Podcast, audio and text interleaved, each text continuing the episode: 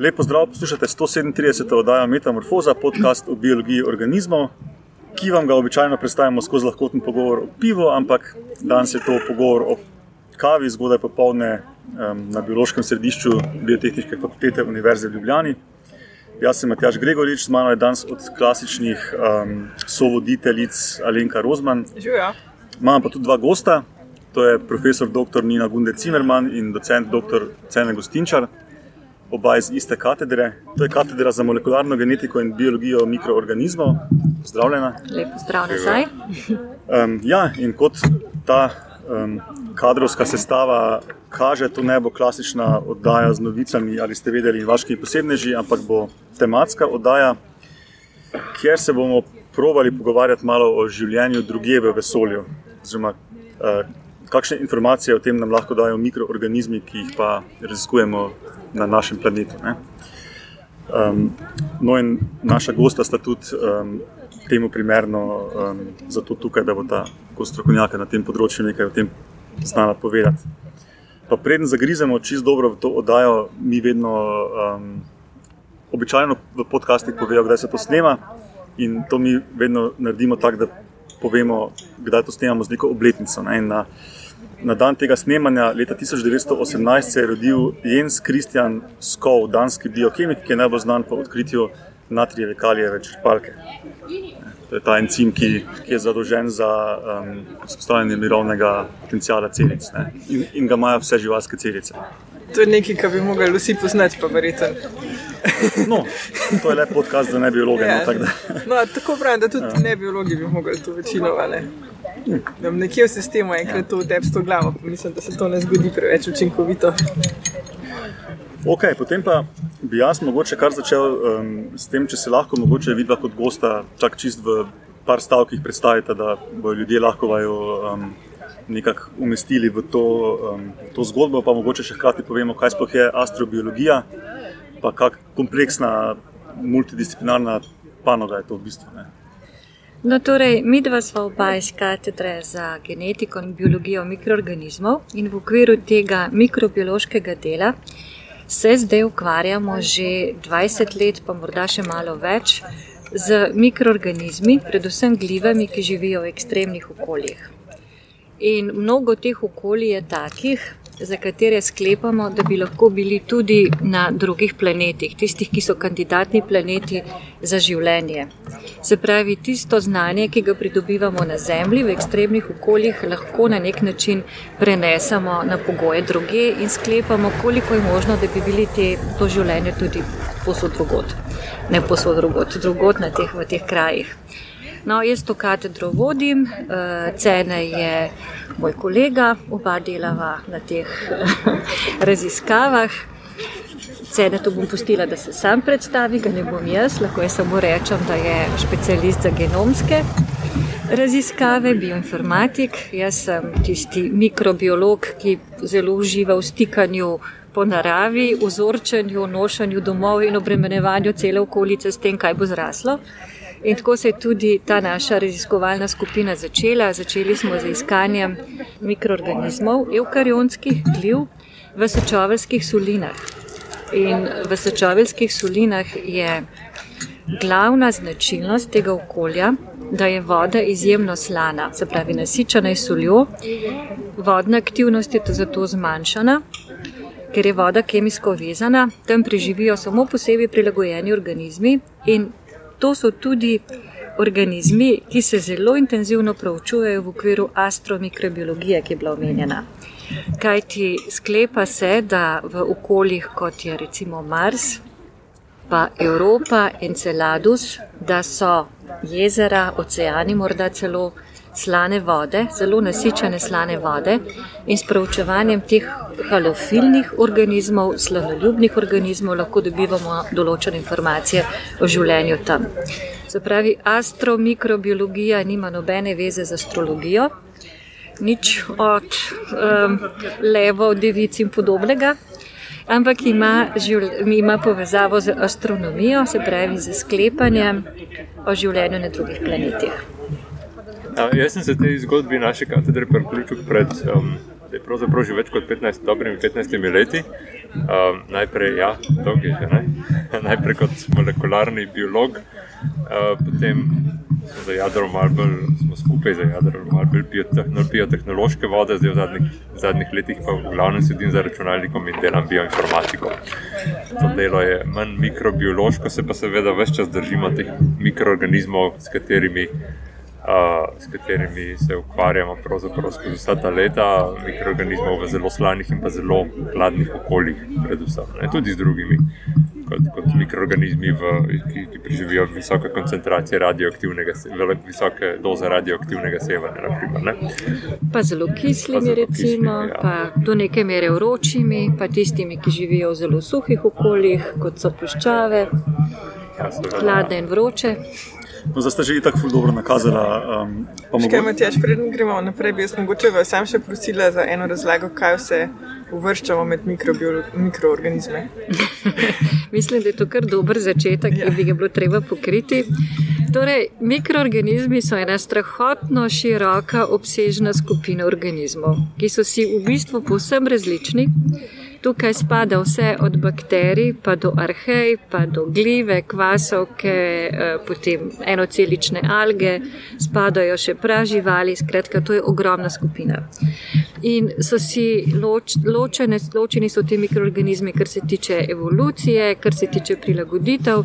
Bakterije nimajo jedra, eukarionti, se pravi glive, kvasovke, praživali ga, ga imajo. Tisto, kar imajo pa vsi mikroorganizmi skupnega, je pa to, kar že ime pove, majhni so. Zato, da jih lahko vidimo, potrebujemo mikroskop.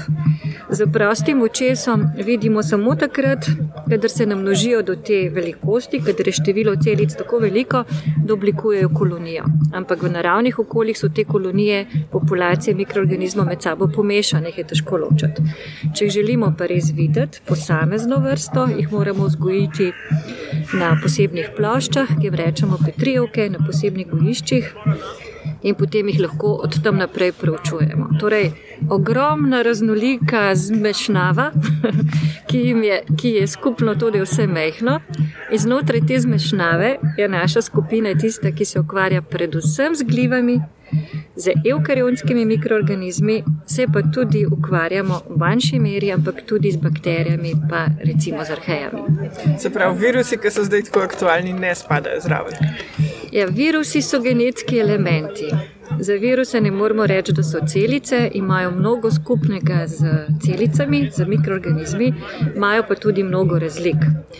Glavna razlika je, da potrebujejo gostiteljsko celico, od nje so odvisni, v njej se množijo, brez gostiteljske celice ne preživijo, oziroma preživijo v okolju v taki inertni obliki en določen čas. Od virusa je odvisno, koliko časa, eni tudi več dni, eni samo nekaj ur. In če ne najdejo gostitelja po določenem času, je potem konec z njimi. Ampak gostiteljev je vedno na preteku, vemo. pa, pa še glede na to, da so mikroorganizmi tako majhni, verjetno je genetika tle en ključen element pri proučevanju, ker recimo pri večjih organizmih se lahko zanesemo na oči in druga čutila, ko eh, določamo lastnosti, a ne pri mikroorganizmih pa verjetno.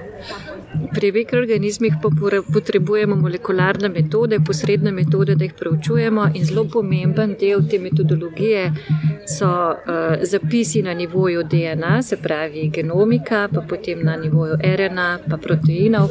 No, to je pa že področje, za katerega bi bilo fino, da ga malo komentira moj kolega.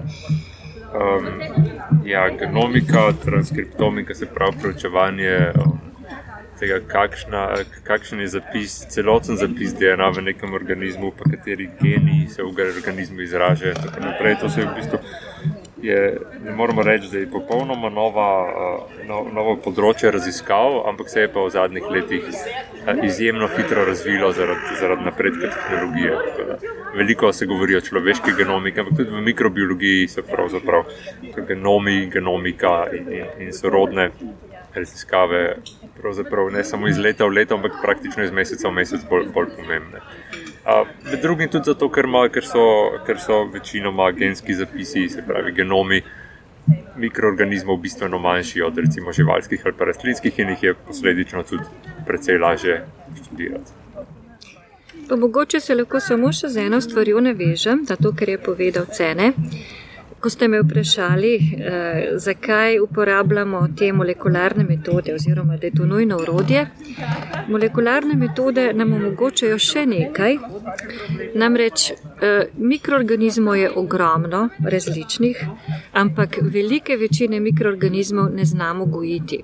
So v okolju, vemo za nje posredno preko molekularnih metod, preko markerjev na nivoju DNA, te znamo prebrati, prepoznati, videti so različnost, ampak vzgojiti pa znamo v laboratoriju zaenkrat samo okoli enega procenta ali celo manj bakterij.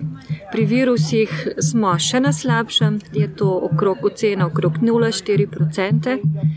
No, in tudi za organizme, za katere bi se človeku zdelo nekako samoumevno, da so lažji za gojenje, kot so naprimer glive. Ne? Če drugega ne vsi poznamo jurčke in je to nekaj, kar vidiš. To namreč tudi gliva. E, tudi pri glivah je to bolj e, težko. Za glive pa ocena, da jih znamo v tem trenutku gojiti samo okrog 5%. Se pravi, tukaj nam manjka ogromno znanja. Tega, ki ga potrebuješ, da lahko preučuješ fiziologijo, da lahko spoznavaš lastnosti posameznih celic, ampak z molekularnimi metodami posredno vemo za ta ogromen, ogromen svet, ki nas obkroža in ki ostaja v bistvu neviden. Glede na to, da smo zdaj vsi pogledali, lahko nadaljujemo z, z ostalimi, um, ne samo planeti, telesi v vesolju. Ne? Um, verjetno, preden gremo to, kakšne informacije nam lahko dajo mikroorganizmi na našem planetu za iskanje življenja druge v vesolju, za poslušalce razjasnimo čisto neko, čisto neka osnovna vprašanja, um, na katere je hkrati težko pa lahko odgovoriti. Ne? Kako pogosto je življenje v vesolju, se pravi, zakaj sploh se s tem ubadati um, in kako si predstavljamo življenjske oblike. Zdaj, jaz vem, kako bi približno na to odgovoril, pa mogoče dam enemu dvaju besede. Pa da je mogoče ceniti, pa bom jaz potem še kaj dodala. Ja, kako pogosto je življenje v vesolju, je vprašanje za več kot milijon dolarjev. Ja, mislim, če zanemarimo dejstvo, da, ja. da smo tudi mi del, del vesolja. No, seveda, ja. Ja, ja. Izven zemlje. Kar, kar lahko, Zato sem se malo hecal, da je hkrati lahko in težko vprašanje, ker življenje v vesolju je, ker smo mi tukaj. Ne? Ampak Tako, ja. zdaj pa razmišljamo. Hkrati je pa Ja. težava, ravno to težava, ne, da, da je to edino življenje v, v vesolju, ki ga poznamo, kar pomeni, da je naš statistični vzorec izjemno majhen, pač obsega samo naš planet zaenkrat. In ta vzorec je premajhen, da bi lahko v bistvu kar kaj, kaj zanesljivega uh, na podlagi tega rekli. Je pa um, začetek 60-ih let je, je Frank Drake, ameriški um, astronom, postavil svojo slovit, slavno Drakeovo enačbo, po kateri naj bi ocenili um, število naprednih civilizacij v naši galaksiji. Ne.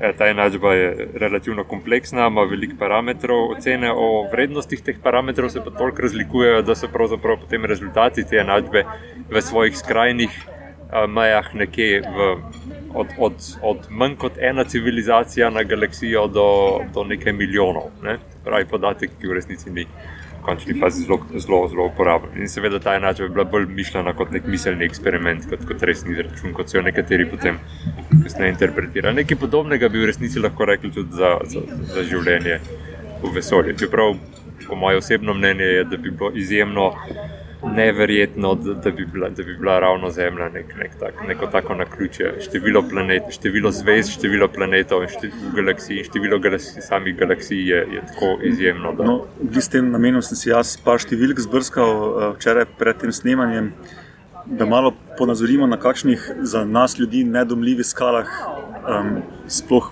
o, o kakšnih skalah razmišljamo. No, zdaj to so spet ocene, ne, ampak um, da samo v naši galaksiji da je 40 milijard planetov v tej habitabilni coni, mogoče tega ranga. To so take številke, um, ki so nepredstavljive za, za nas in bi bilo res um, tudi mogoče malo arogantno razmišljati o tem, da smo mi pa nek, uh, nek poseben primer tukaj mm. na našem planetu. Ne.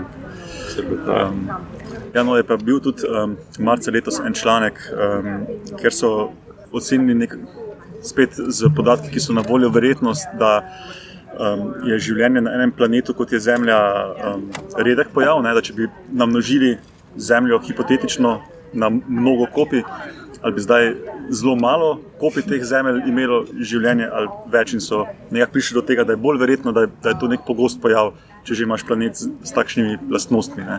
Razvoj življenja je zagotovo pač neka loterija. Ne? Šlo, šlo je za neko na ključe, v katerem pač težko, iz enega primera težko soditi. Kolik, kakšna je verjetnost, da se to na ključe zgodi? Ampak, če pa pogledamo samo zgodovino našega planeta, se je pa življenje pojavilo v, resnici, v relativno kratkem času, času po, ja. po, Mhm. Po oblikovanju nastanku Zemlje. oceanov, ki Kar, so pač ja, omogočili. kar spet viša verjetnost, da še nekje v vesolju obstaja. Ne. Obstaja kakšna Verjetno. taka zemlja. Ja. Kako pa si predstavljamo življenje, recimo, kaj iščemo? S- a No, to je pa, ja, to je pa pod, pod vprašanje, kakšna, kakšno obliko življenja bi pričakovali. In zdaj spet, če popravite me, če, če se motim, ampak jaz bi pričakoval, da, da je pa kompleksno ali pa, ali pa še celo inteligentno življenje, pa mogoče bolj redko kot pa um, na nivoju mikroorganizmov, recimo nekih enoceličnih. Mogoče so pa zelo inteligentni. No, vse to je spet pod narekovaji, kakšno inteligenco predstavljamo. Ja.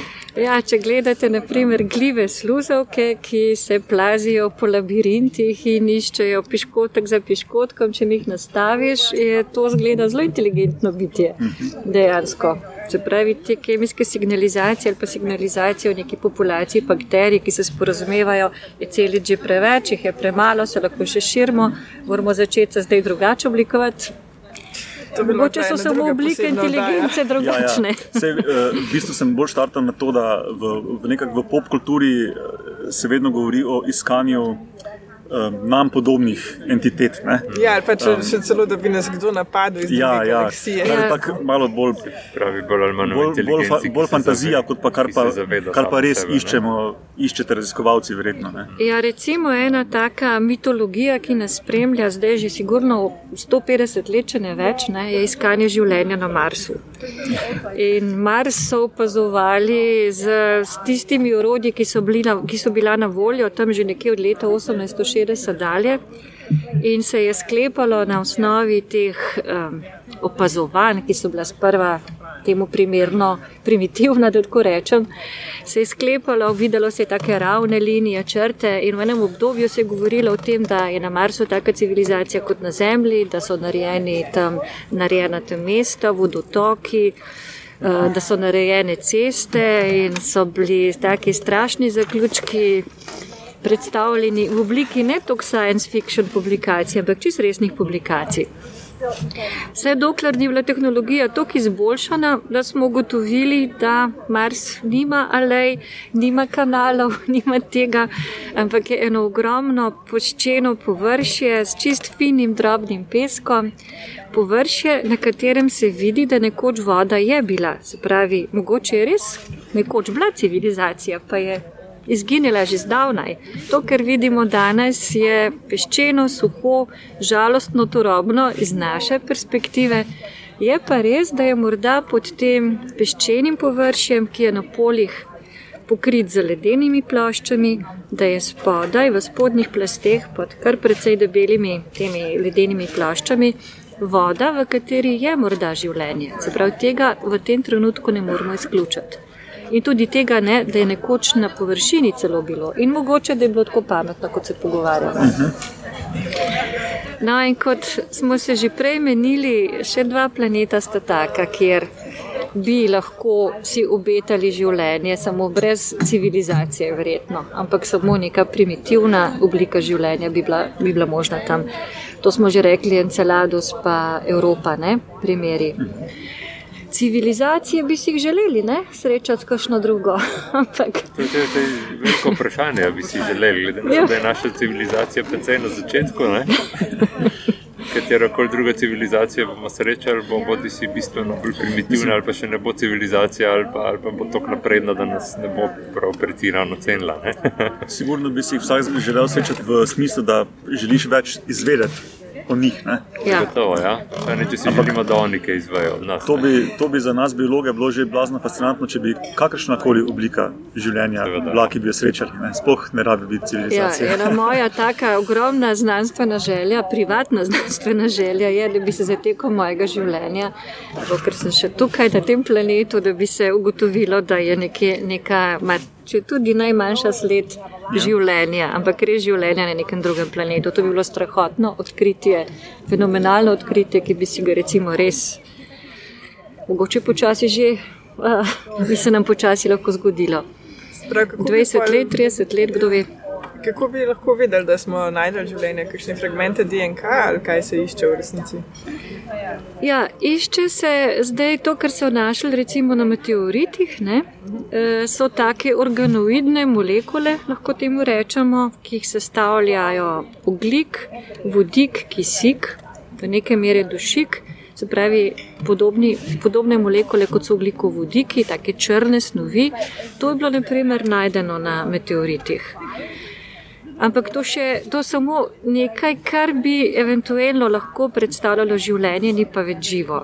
Tukaj smo prišli najbližje. Več kot to nismo našli. Ja, vprašanje je seveda, tudi, kaj iščemo. Ne? Mi, mi pravzaprav lahko karkoli sklepamo, lahko sklepamo iz tega življenja, ki ga poznamo. To je pač življenje, ki je zgrajeno na osnovi oglika, ki za svoje preživetje potrebuje tekočo vodo, vsaj minimalne količine. Ne? Um, nek vir energije je verjetno potreben, seveda potreben za kakršno koli življenje. Um, Potem pa, če se malo zatečemo proti znanstveni fantastiki, pa še vedno v neke resne znanstvene razprave, eh, lahko je to življenje v resnici temeljeno tudi na drugih temeljih, kot so te, ne, v drugačnih pogojih. ne vem, Je, bi lahko vodo nadomestili mogoče z, z drugimi snovmi, ravno na teh um, uh, lunah drugih planetov, kot je Titan, ki je Saturnova luna.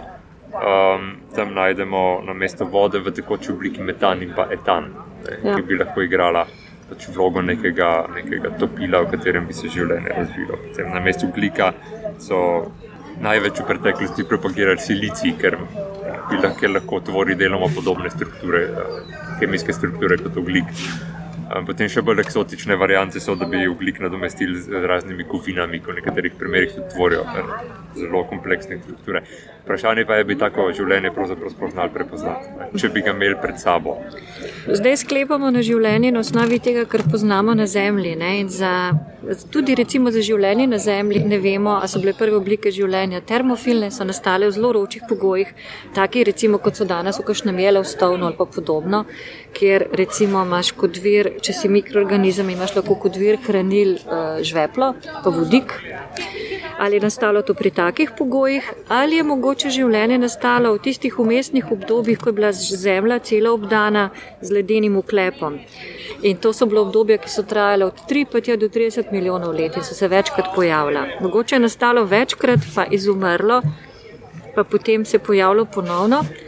Ampak ko se preučuje, naprimer, danes živeče hipertermofilne arheje, ki imajo zelo kratke filogenetske linije, se pravi, so se relativno malo spremenjale v trenutku, ko so nastale. Vidimo, da se drugače je življenje odvijalo, kot bi človek teoretično predvideval. Recimo, ena stvar, za katero se je mislilo, da je prekompleksna, da bi se res pri teh primitivnih celicah zgodila, je, da bi te prve celice bile sposobne eh, fiksirati CO2 iz zraka. To povezujemo z rastlinami, z nekim višjim razvojem. Ampak s tem, kar danes vemo, zgleda, da bi te prve celice že lahko recimo bile tega sposobne.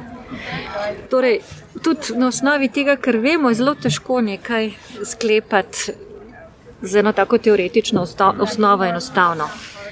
Potem predvidevanje je, da bi bilo prvo življenje temeljilo na tem, da bi se neke anorganske snovi oksidirale, recimo, kot sem prej rekla, reducirane oblike žvepla, kaj podobnega.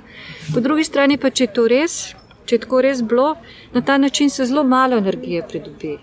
To, to, te celice bi se zelo počasi razvijale. In je vprašanje, če bi to vodilo do te speciacije, do razvoja vrst, ki je potrebna. Torej, vse na prvo žogo sklepanje je težavna zadeva. Veliko možnosti je. Možnost je tudi, da je življenje na Zemljo prišlo iz vesolja, z meteorjem, tako imenovana panspermalna teorija, neka črna zadeva, ki naj bi trčila v Zemljo in zasejala življenje. V bistvu vemo še vedno zelo malo. Čisto resne teorije so, da bi, da bi življenje lahko prej nastalo na Marsu ali na Veneri in od tam Šlo sem. z meteoriti potem šele priletelo na Zemljo. Ker z nekih, z nekih eh, poskusov že vemo, da v pogojih, ki vladajo v pravi, izvenplanetarnem prostoru, se pravi pri praktično absolutnem vakumu in zelo nizkih temperaturah. Nekatere, nekatere organizmi znajo preživeti, ne, z nekimi glivami, podobnim tem, ki jih študiramo mi, so delali, so delali poskuse, da so jih spostavili vesolskim pogojem na mednarodni vesolski postaji. Mislim, da, uh -huh. Ja. Um, in so po, po nekaj mesecih izpostavitev ugotovili, da je kar dobršen del teh celic še vedno živ. In čist vesel, in ne zelo ukvarja ali karkoli. Ja. To je nekaj, kar si v bistvu sploh ne znamo predstavljati, meni je to čist. Spravi, če stopimo zdaj en korak nazaj na to, kar si ti Alenka vprašala, ker pa sklepamo po, po N je enako ena po življenju na Zemlji, je pa seveda normalno, da na prvo žogo iščemo telesa, ki imajo vodo v neki obliki. Ne? Um, in da iščemo neke odtise, ali kemijske, ali mineralne, ali vem, vzorce izotopov, pline, atmosferske, karkoli, ki bi jih mi vsaj s tem znanjem prepoznali kot signal nekega potencialno nekega življenja, pa potem skušamo to uvreči. Verjetno je dosti pristopov na ta način usmerjenih, če prav razumem. Ja, te razne biomolekule, ki ne bi bile tako karakteristične za življenje, ampak tukaj spet lahko pride do hudega zavajanja. Jaz sem pred nedavnim brala o enih raziskavah, jaz meni je bilo to novo, tega prej nisem še vedela. In sicer so našli na Antarktiki kamen, za katerega je bilo nedvomno dokazano, da izhaja iz Marsa. In to v tistem času, tam 70 leta, ko se je najbolj intenzivno govorilo o življenju na Marsu in verjelo, da, je, da smo tik pred tem, da ga doka dokažemo. No, ta kamen je po te eh, sestavi, geološki, absolutno bilo, kot rečeno, dokazano, da je iz Marsa. Je bilo potem pa tudi kasneje dokazano, da je ležal neodkrit pod plastmi ledu, mislim, da okrog 13 milijonov let, se pravi eno hudo obdobje. No, in v tistih 13 milijonih let se je zgleda zgodilo to, da se je v ta kamen so se naselile, ne ve se kako, na kakšen način, ampak so se naselile bakterije, ki so sposobne magnetizma, magnetitne bakterije imajo posebne magnetosome in se razvrstijo tako v obliki takih spiral lahko v, v to. In seveda, ko so to našli, noben je pomislil, da je bil ta kamen 30 milijonov let pokrit in da je prišel na dan. Ampak so se absolutno sklepala, da je to dejansko dokaz življenja iz Marsa. In so bile eh, strahotno. Veliko pozornost se temu namenjalo, ne ti magnetiti, to, kar se ve, da nastane samo s pomočjo mikroorganizmov, ta konkretna oblika teh kristalov, te strukture, vse to. Po vsem tem pompu in navdušenju in uh, skoraj Nobelovih nagradah in ne vem kaj vse, je bilo pa potem ugotovljeno, kot rečeno, da se je to verjetno zgodilo kasneje.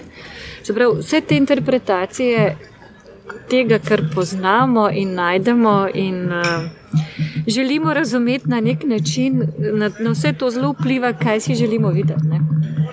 Vse, tukaj imamo, če lahko skočim eno, eno zanimivo zgodbo, ki jo poznamo z naših polarnih mikrobioloških kongresov. Um, ko, se, ko se je v preteklosti delali te globoke vrtine antarktičnega ledu, recimo, se, so, so na, na podlagi teh vrtin pogosto, pogosto um, vlekli neke sklepe o, o sestavi zemeljske atmosfere pred. Pred dolgimi geološkimi obdobji, pač na podlagi mehurčkov zraka, ki so ujeti v led. Um, pa so potem um, kasneje, zdaj mikrobiologi, tisti, ki se ukvarjamo um, z, z mikroorganizmi v ledenikih. Pač vemo, da so mikroorganizmi v te ledenike pogosto ne samo ujeti, ampak zdaj kaže tudi, da so nekateri metabolno aktivni. Se pravi, lahko tudi v resnici spremenjajo sestavo plinov, ki so ujeti v led. Ne. Sicer zelo počasi, ampak se v ledviniku dejansko imajo tudi zelo veliko časa. Ja. Prav, naše, naše interpretacije so vedno omejene s trenutnim razumevanjem tudi biologije na Zemlji, no se zadnje. Mhm. In v teh zelo globokih ledenih plasteh na Antarktiki, recimo ta uh, jezero Vostok, ki je ena od teh um, lokacij na Zemlji, ki se jo preučuje kot podobnost z razmerami na drugih planetih. Se pravi, to jezero Vostok je pokrito z 4,5 km debelim ledenim pokrovom. V teh 4 km, ki so bili privrtani, so našli celo, preko celotne globine vse od kvasov, bakterij, diatomeje vse živo. In zdaj vedno je vprašanje, kaj je res tam, kaj se je ujelo preko časa, kaj se je namnožilo noter, kaj smo pa kontaminirali s tem, ko smo vrteli v to vrtino. Torej, to ločvati je zelo veliko in težko vprašanje. In kaj od tega je v tem ledu, kot si rekel, cena tudi metabolno aktivno in lahko dodatno še spremi, povzroča spremembe, mehurčke vnaša, se več celice pojavlja iste vrste lahko. Ja. No, če se um, navežem na to interpretacijo, povod, da sem jaz začel razmišljati o tej temi, zato oddajo je bilo to nedavno odkritje fosfina na Veneri in se mi je to zdelo, da um, vseeno fajn izpostaviti, kako sem jaz spremljal ne pop science medije, ampak um, odzive tega človeka, pa malo po diagonali ta članek pogledal. Se mi je pozdelo, da, da so avtori te raziskave bili zelo pazljivi, pa um, so kar se da malo namigovali na življenje, bolj na to, da pač ne znajo razložiti Odkot tega plina prihaja, v ja. atmosferi. Ja. Ker uh, mediji pa potem to hitro pograbijo, pa malo preveč napihnejo. Ne? To zdaj ne pomeni, da pa imamo dokaz za življenje v atmosferi Venere. Uh, za kjer plin že gre, da se malo spomnim? Fosfin. Fosfin. Ki nastaja v bistvu. na Zemlji v anaerobnih okoljih na račun mikrobnega delovanja. V teh lahko nastaja tudi eh, na geokemijski način, tako ne bi bil na teh drugih planetih, tudi na Veneri, kjer je bil odkrit. Samo tisto, kar je v tem primeru tako presenetljivo in nerazložljivo v tem trenutku, je, da je tega plina fosfina čist preveč tam, kjer se nahaja. Se pravi, veliko večjih količina, kot jih lahko razložimo za tako geokemijskim nastankom. Koncentracije so izjemno velike, v primerjavi z drugimi področji in nahaja se na višini 50-60 km proč od površja Venere v oblakih, ki so zelo kisli. Ampak spet ne tako kisli, kot so bližje površju, in spet ne pri takih temperaturah, da si ne bi mogli predstavljati, da življenje tam je. To ne pomeni, da je. Ampak pogoji so taki, da v principu s tem, kar vemo danes, bi eventualno lahko bilo, in ta fosfin bi eventualno lahko pomenil. Uh, odraz življenja, da je to nek metabolizem, ampak zaenkrat se lahko pogovarjamo samo z vsemi temi pogojniki. Se pravi, pa, um, je nujno, da ta metabolizem izvrši neka življenjska oblika, ki ima tudi DNA, ali je recimo za nas dovolj dokazov, da je življenje, samo da to metabolizem tam obstaja. In vse to, tudi vprašanje, kaj je življenje, ni tako enostavno. ja. um, mislim, da, zdaj, zdaj sem pozabil njegovo ime. Um, mislim, da en od, zdaj pa ne vem, ali se to šteje pod filozofijo ali pod kaj. Pač ena od razlag je, da iz kaosa dela urejen sistem, ne? življenje, mogoče samo od sebe. Kako bi se to najbolj poenostavljeno povedalo? No? Um, se, tu, tu potem priješ do virusov, ki sami za sebe, kot delec tega ne počnejo, ampak skupaj z metabolizmom gostitla pa to počnejo, zdaj pa kako to, to je potem en šmorn, ki ni. Ki ni tako enostaven ja, za obdelati. Ja. In počnejo vsekakor veliko kaosa, da ja, treba tako virusi, če smo že pri tem. No, se, za, za zadnji sklop pogovora sem pa jaz um, nekako upal, da bi se pogovarjali po narekovaji ekstremofilnih organizmih. Spravi, kot smo prej povedali, um, neka biološka, ekološka pestrost mikroorganizmov je res blazna, sploh v primerjavi s tem, kar mi z našimi očmi opazujemo, je dosti večja. Uh, in, in seveda nas uh, ti organizmi informirajo o mejah mogočega, za, vsaj za življenje, ki ga mi poznamo tukaj.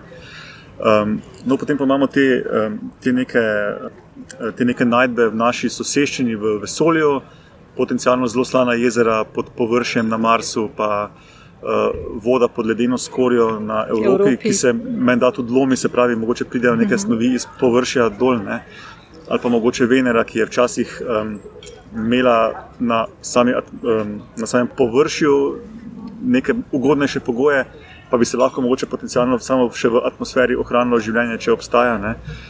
Um, Krijo vulkani, recimo, da še to omenimo, uh -huh. ne, ki so na površju Enceladusa in razpoke, ki segajo potem čist do, uh -huh. no, do vode. Um, Ledeniki na Marsu so tudi dve leti um, zbrali nekaj dokaze, da ne bi tam obstajala tekoča voda v samih ledenikih. Ja, tudi ja. je. No, ja, in, ja. Uh, upal sem, da bi nazaj pogovor peljal v to smer, da bi malo nam vidva razložila res. Um, v kako skrajnih pogojih so uh, organizmi tukaj sposobni živeti, ali so to temperature, ali kislost, ali um, nedostopnost vode. Ne? Ker pač so to očitno okolja, ki ali to kislo in vroče ozračje, ali so to slana, slana vodna telesa, mogoče nekje vesolje. Ne? Če, se pravi, da nekako to zanimivost um, organizmov okoli nas prenesemo pa še na to, kako nas lahko informirajo o nekem potencialnem življenju. Vse je to pa najbolj, da si razdeliva. Ti obdeli vroče, jaz bom hladne, potem jaz lahko slane, ti da kisle. No, začniti z vročimi.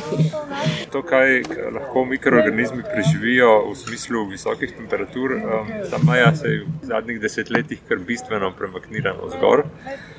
Zdaj, tisti organizmi, ki so najbolj ekstremni, trenutno um, se nekako podobno počutijo pri 121 stopinjah Celzija. 123, Aha, no, tam se pravi, maja se kar naprej premika. In to je v bistvu maja, ki jo trenutno poznamo za organizme na našem planetu. Um, neki dokazi so, da bi lahko življenje bilo, bilo možno tudi na višjih temperaturah. Ja, do 140. Do 140. Teoretično. Ja, in v bistvu tukaj nam uh, omejitve postavlja bolj ali manj biokemija v končni fazi, ker pač te, te molekule, iz katerih je zgrajeno življenje, kot ga mi poznamo, postanejo preveč nestabilne pri določenih temperaturah.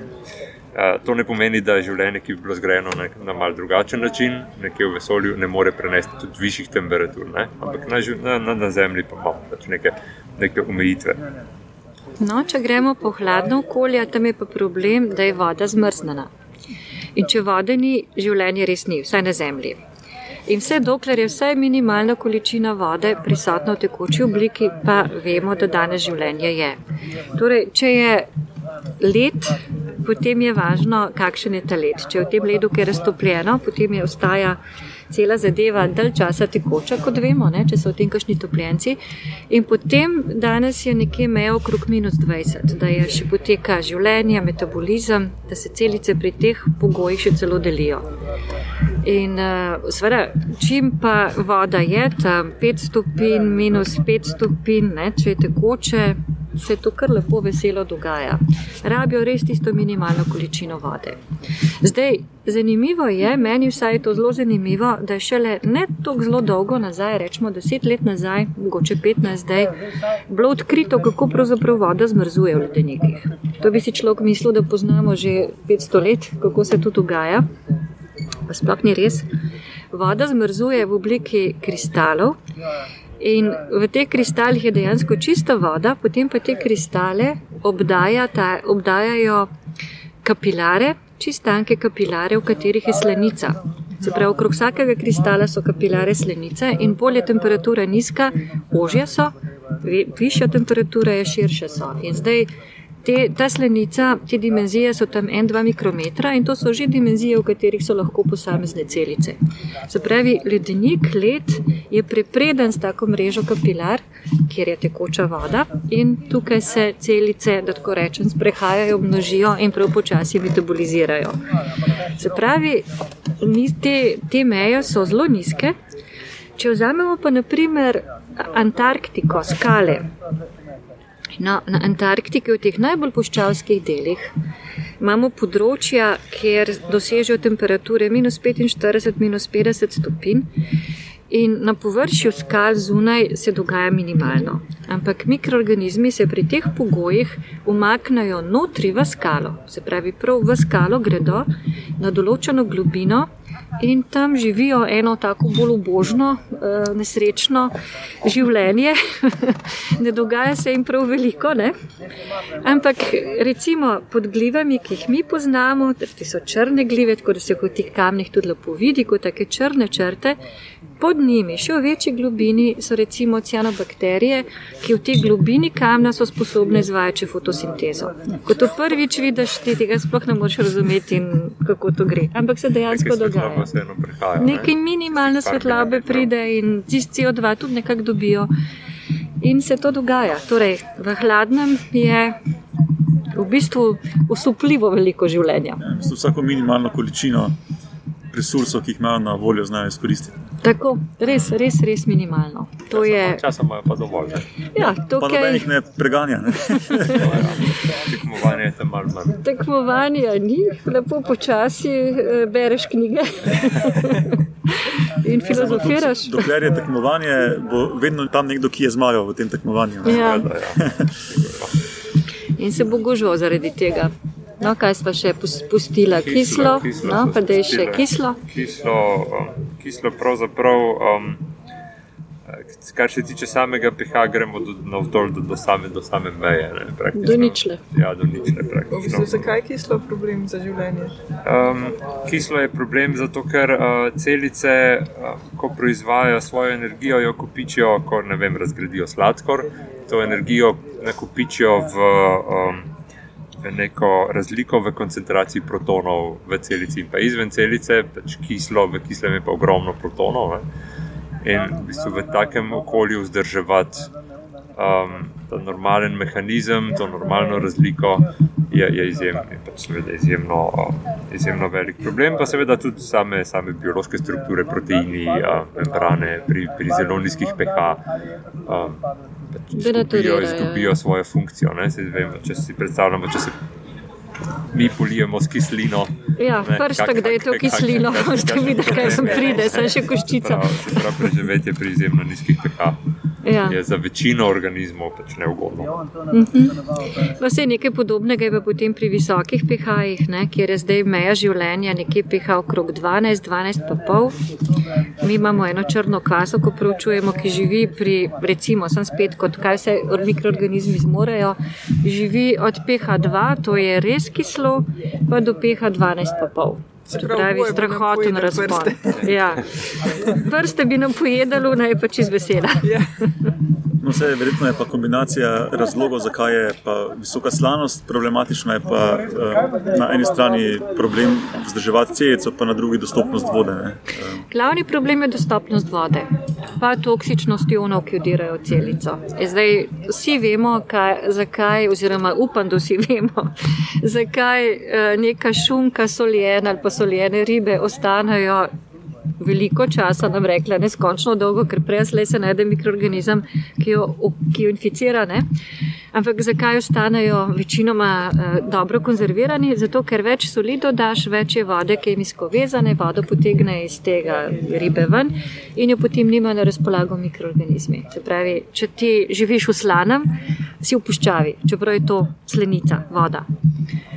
Moraš imeti mehanizme, da, da se zaščitiš v tem smislu, da ti ni vsa voda oduzeta.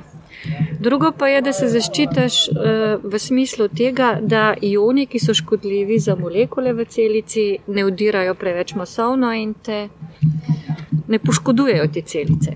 In mikroorganizmi imajo dve strategije, mogoče lahko cene ti nadaljuješ tu.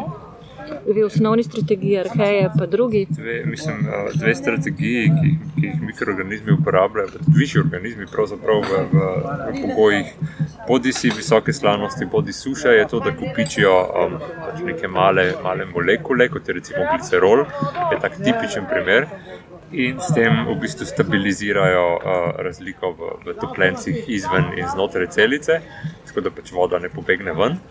Potem druga strategija je pa kupičenje kar, kar nekih ionov soli na mesto, na mesto glicerola. Recimo. Ampak svet je to ni kar so na splošno, ampak so recimo kalijevi ioni, ki so za te celice manj problematični kot natrijevi ioni. Ne? Natrijevi ioni recimo so večji problem.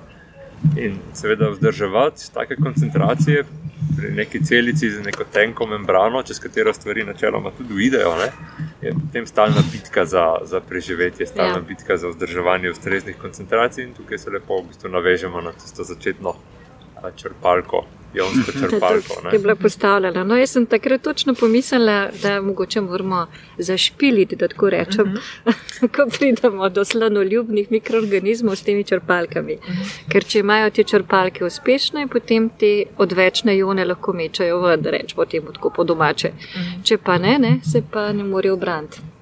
Eno strategijo imajo pa arheje, ki so največji ekstremneži na našem planetu. Te arheje, kot je že cene nakazal, rešujejo problem slanosti tako, da imajo celice slane.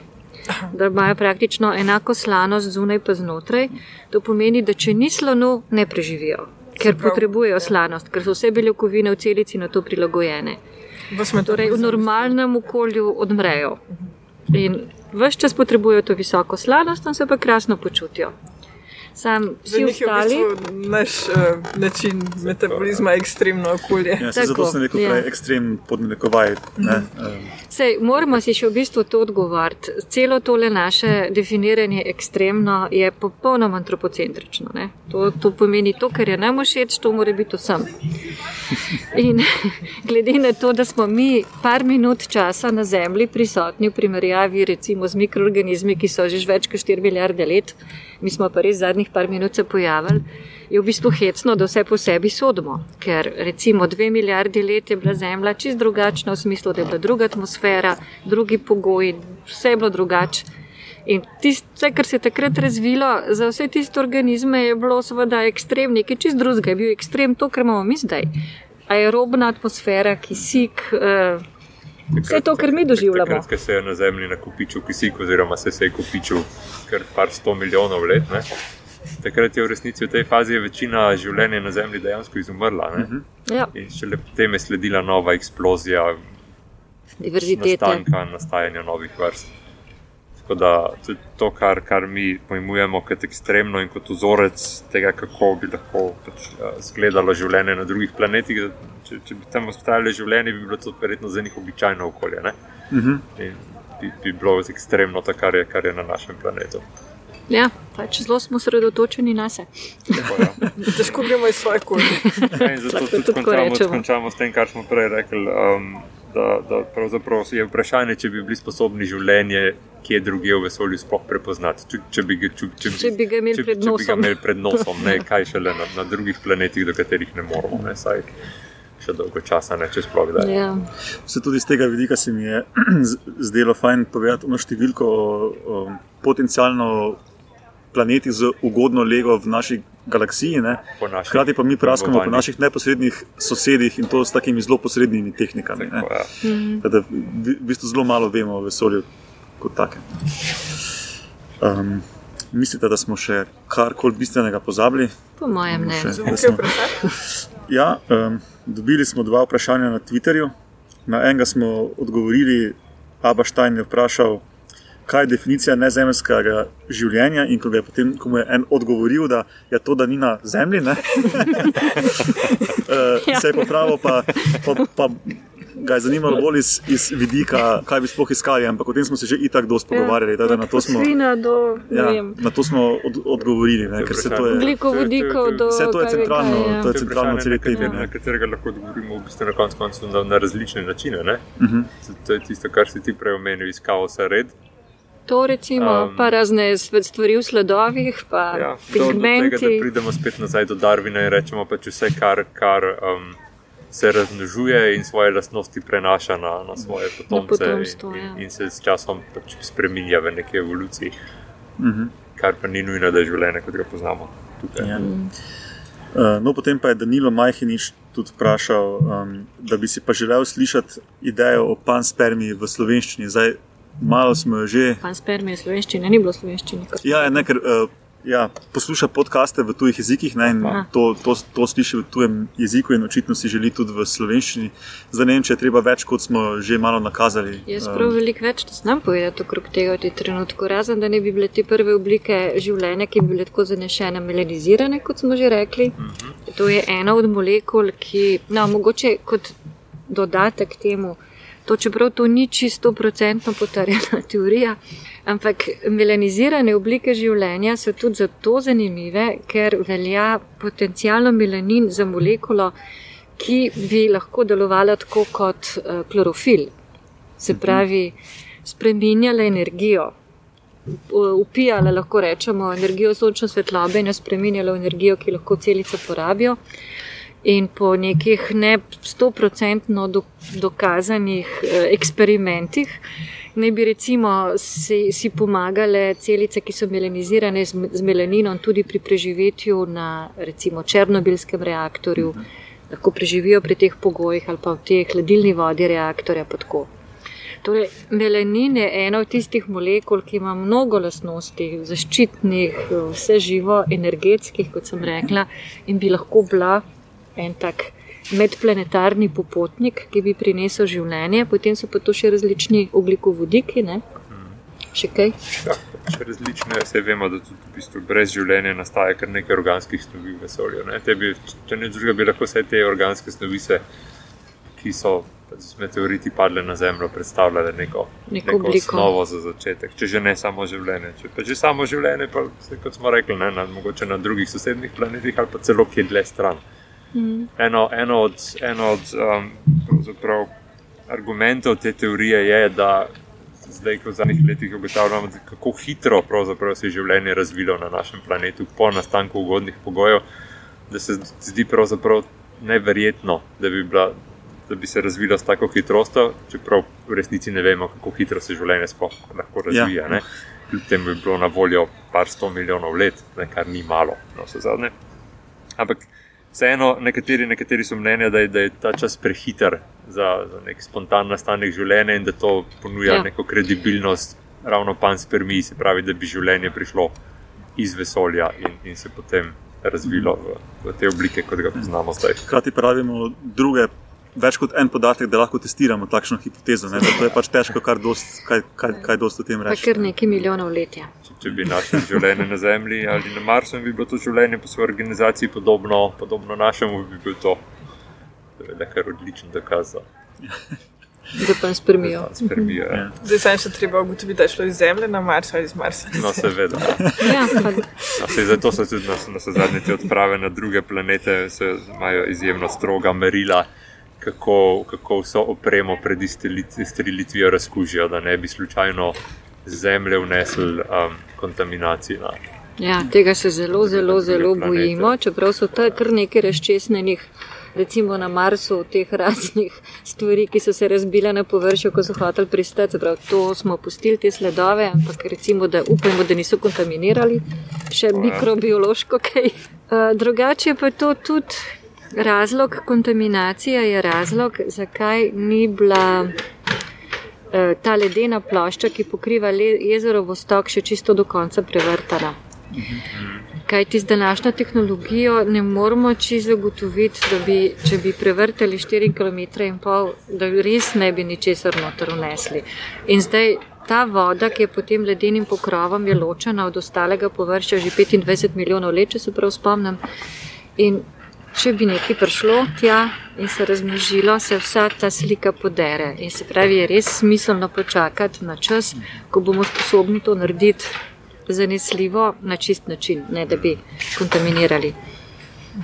Upam, da bo res tako, da bomo res Da bo počakali. Ja. Ne, da, bom, da bomo res počakali. Da, To da, Ja. za Pa se tega pravilno ne, Ja. To je kot izkopavanje Pompejev. Mhm. A, Tež, težko je se pri nečem zadržati, kar bi prineslo nova spoznanja, Ja. samo zato, ker bi s tem povzročili lahko tudi škodo. Ne? Ampak Mhm. dajmo upati, da, da so raziskovalci, ki so bili pri teh projektih zraven, vse zadržali. Čeprav neuradno ne, ne velja, in o tem se ne govori uradno, ampak neuradno velja, da ne bi to naredili že Rusi. Ne. A Ja. Ja, ja, tako, ja. Ja, oni so bili tisti, ki so, ki so to vrtenje izvajali. Ne? Pa, so Ja. ga izvajali po njihovih besedah zelo mikrobiološko korektno, po, pod nekih pričakovanjih so pa tudi gubili kar nekaj tega olja, ki se ga uporablja za vrtenje in bi lahko kontaminiralo pač vse, Ja. vse območja pod ledom. Ja, ampak nikoli pa niso poročali o rezultatih, Tako, ja. kar je lahko dvojni razlog, je lahko, ker jih ni bilo, ta je malo verjeten. Drug razlog pa je, da bi morali priznati kaj takega in zato raje ne poročajo o rezultatih. E, dobro, jaz sem izčrpal moje vprašanje, tako da se, mislim, da smo tudi že dovolj dolgi. Ja, smo že. Smo že pri 50 minutah. Um, ja, no, dobro, potem to sklene današnjo epizodo. Um, Metamorfoza ima svojo spletno bazno postajo na medijskem mreži Metina Lista za vse poslušalce. Uh, posledajte nas na Facebooku, tam so tudi stvari, ki ne pridejo podcast, pa so zanimive.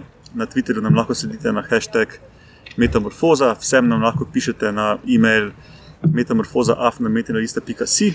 Ja, hvala vsem za kakršne koli komentarje, širjenje in tako naprej.